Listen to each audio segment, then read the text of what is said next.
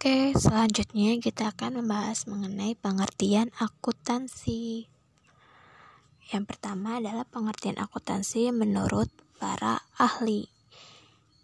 Yang ke satu, menurut AICPA, yaitu men atau kepanjangannya adalah menurut American Institute of Certified Public Accounting bahwa akuntansi itu adalah seni pencatatan, penggolongan, pengikhtisaran dengan beberapa cara tertentu dalam ukuran moneter, transaksi, dan kejadian-kejadian yang umum bersifat keuangan termasuk penafsiran hasil-hasilnya.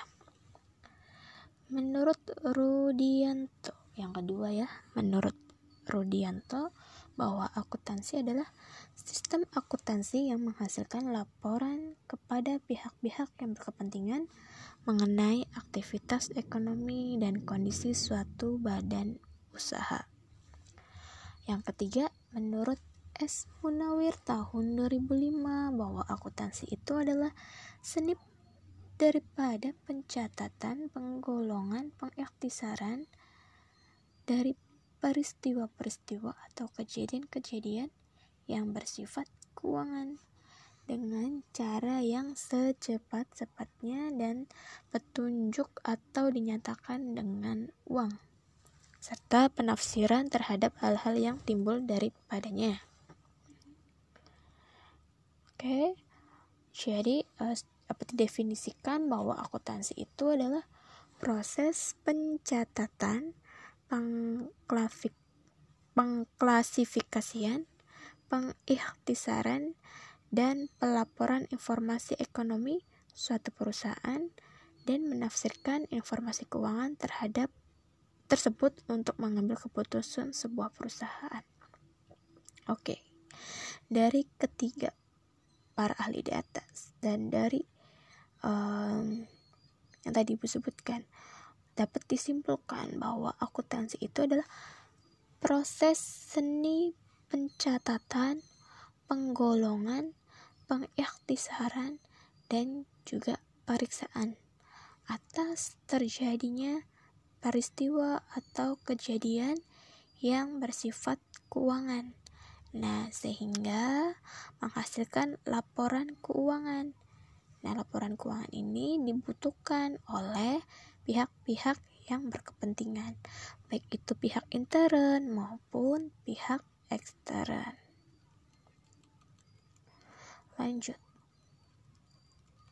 Ada peran akuntansi. Dari pengertian mengenai akuntansi dari para ahli dapat disimpulkan bahwa akuntansi itu berperan sebagai yang pertama Kontrol keuangan. Peran utama akuntansi itu adalah mengontrol atau mengendalikan keuangan dalam sebuah perusahaan. Dalam dunia ekonomi, dalam dunia bisnis, bahwa pengendalian itu merupakan faktor penting yang menentukan keberhasilan dari bisnis tersebut. Dengan adanya akuntansi perusahaan, maka perusahaan itu dapat mengetahui bagaimana pengelolaan dananya, berapa laba yang diperolehnya, dan misalkan uh, berapa kerugian dari aktivitas perusahaan tersebut. Lalu ada peran yang kedua yaitu evaluasi. Evaluasi. Jadi akuntansi itu berperan sebagai media evaluasi perusahaan. Laporan-laporan keuangan akan menunjukkan hasil perusahaan dalam periode tertentu. Laporan akuntansi pun berisikan informasi-informasi penting yang menggambarkan kondisi keuangan perusahaan. Nah, dari laporan tersebut, pemimpin perusahaan bisa mengevaluasi bisnis yang dijalaninya, sekaligus dapat mengetahui masalah-masalah uh, yang terjadi atau yang dihadapi oleh perusahaan tersebut. Masalahnya itu berkaitan dengan keuangannya, keuangan perusahaan. Lalu ada peran akuntansi yang ketiga, yaitu perencanaan. Nah, di sini setelah mengevaluasi dari laporan keuangan nah eh, selanjutnya adalah perencanaan perencanaannya adalah untuk perencanaan perusahaan di masa depan nah setelah melakukan evaluasi mengenai laporan keuangan maka pimpinan perusahaan pun tentunya memiliki gambaran atau tujuan bisnis yang ingin dicapainya. Nah, dari laporan akuntansi tersebutlah pemimpin dapat merumuskan perencanaan-perencanaan untuk masa depan perusahaannya untuk lebih maju atau lebih berkembang. Peran akuntansi yang keempat yaitu adalah akuntansi sebagai informasi. Nah, di sini tujuannya adalah untuk mengambil keputusan. Jadi adanya akuntansi, adanya informasi akuntansi itu untuk mengambil keputusan, pengawasan, dan implementasi keputusan-keputusan yang akan diambil oleh perusahaan. Informasi akuntansi itu digolongkan menjadi tiga jenis. Yang pertama ada informasi operasi.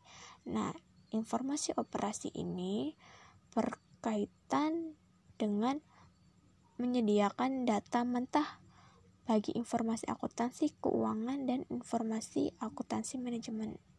Nah, informasi operasi ini terdapat pada perusahaan manufaktur. Contohnya, informasi produksi, informasi pembelian, informasi pemakaian bahan baku, informasi penggajian, informasi penjualan, dan lain-lain. Lalu yang kedua, informasi akuntansi manajemen. Nah, informasi ini digunakan dalam tiga fungsi. Ada fungsi manajemen perencanaan, implementasi, dan pengendalian. Nah, informasi akuntansi ini dihasilkan oleh sistem pengolahan informasi keuangan yang disebut dengan akuntansi manajemen. Nah, informasi ini dihasilkan kepada manajemen perusahaan dalam berbagai laporan seperti laporan anggaran, laporan biaya produksi, laporan biaya pertanggungjawaban, laporan biaya menurut aktivitas, dan biaya-biaya lainnya. Lalu ada informasi yang ketiga yaitu informasi akuntansi keuangan. Nah, ini uh, informasi ini digunakan baik oleh manajer maupun pihak eksternal perusahaan. Tujuannya apa sih? Tujuannya untuk menyediakan informasi menyangkut posisi keuangan perusahaan. Nah, informasi akuntansi keuangan untuk pihak luar disajikan dalam laporan keuangan yang terdiri dari neraca, laporan laba rugi, dan laporan perubahan posisi keuangan. Dari laporan keuangan tersebut, eh, pihak luar pun eh, sebagai untuk menentukan kebijakan apa ingin berinvestasi, bagi investor ya ke perusahaan tersebut kalau bagi pemerintah berapa pajak yang akan dikenakan oleh perusahaan tersebut. Nah itu dilihatnya dari laporan keuangan.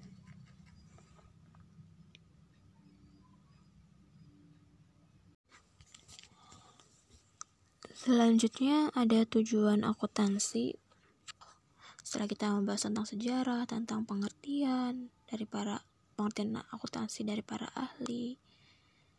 Lalu kita akan membahas tentang tujuan akuntansi. Secara umum, tujuan akuntansi itu adalah untuk mengumpulkan dan juga melaporkan informasi terkait masalah keuangan kinerja posisi keuangan. Nah, informasi yang didapatkan nantinya akan digunakan sebagai dasar atau sebagai landasan dalam membuat sebuah keputusan.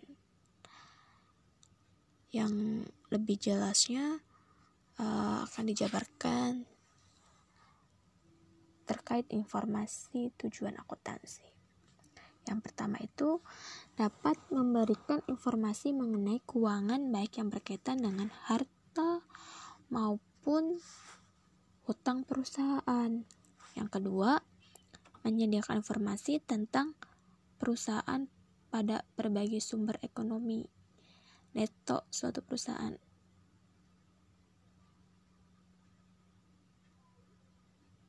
Berarti kalau kayak gini um, menyediakan informasi tentang perusahaan pada berbagai sumber ekonomi neto berarti kalau neto berarti ini ya uh, pendapatan bersih dari perusahaan tersebut ketiga dapat memberikan informasi keuangan perusahaan yang mana nantinya dapat membantu dan membuatkan estimasi besarnya keuntungan yang diterima oleh perusahaan.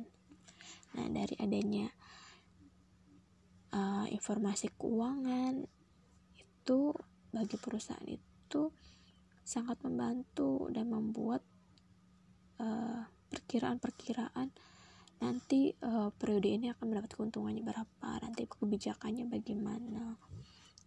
Kan